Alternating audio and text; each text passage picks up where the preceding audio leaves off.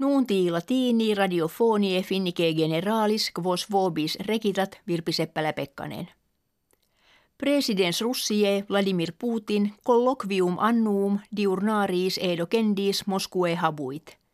Initio monuit renovationes technologicas in Russia necessarias esse.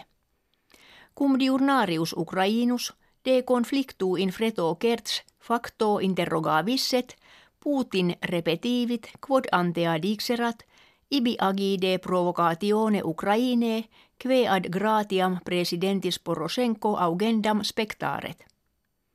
Japonicus autem diurnarius de insulis curilibus meridianis kve sivit, quod ex eis Japonie redderentur. Putin dixit arma in eis insulis collocata esse defensiva, statum hodiernum non esse normalem, et se credere pactum de eis inter partes fieri posse. Rem autem esse complicatam.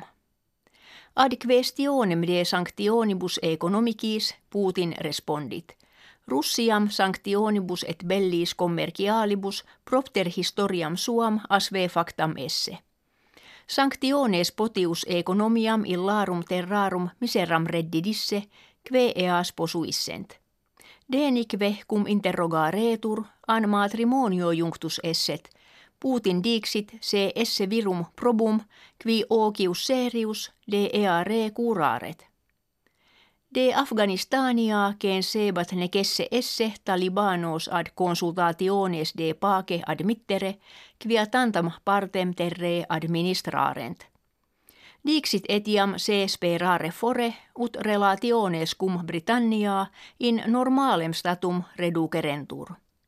Theresa May nullam aliam facultatem nisi voluntatem populi auscultandi et exitum ex unione europea pergendi habere. James Mattis, minister a defensione Americanorum, ante novum annum edes albas relicturus est.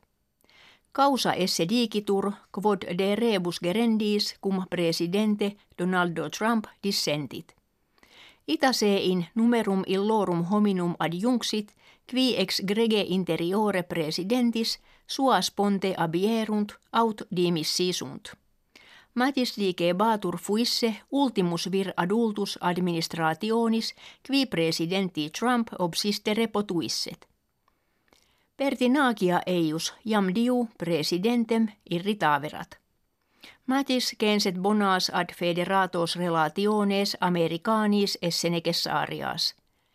Inter regimen presidentis Trump consuetudines Americanorum cum com pluribus terris europeis multum variaverunt. Lievi kesimo secundo fuit solstitium brumale – quo tempore in hemisferio septentrionali dies est totius anni brevissimus nox longissima. In partibus finnie maxime septentrionalibus nox malis usqueat medium mensem januarium durat. In urbe Helsinki aliisque regionibus finnorum meridionalibus brevissimus anni dies fuit minus sex horarum. Nunti latini a radiofonia finnica generali jam plus unde triginta annos septimanatim emit tuntur, et novo anno bismillesimo unde vicesimo, more solito tam radiofonike quam in interreti continua buntur.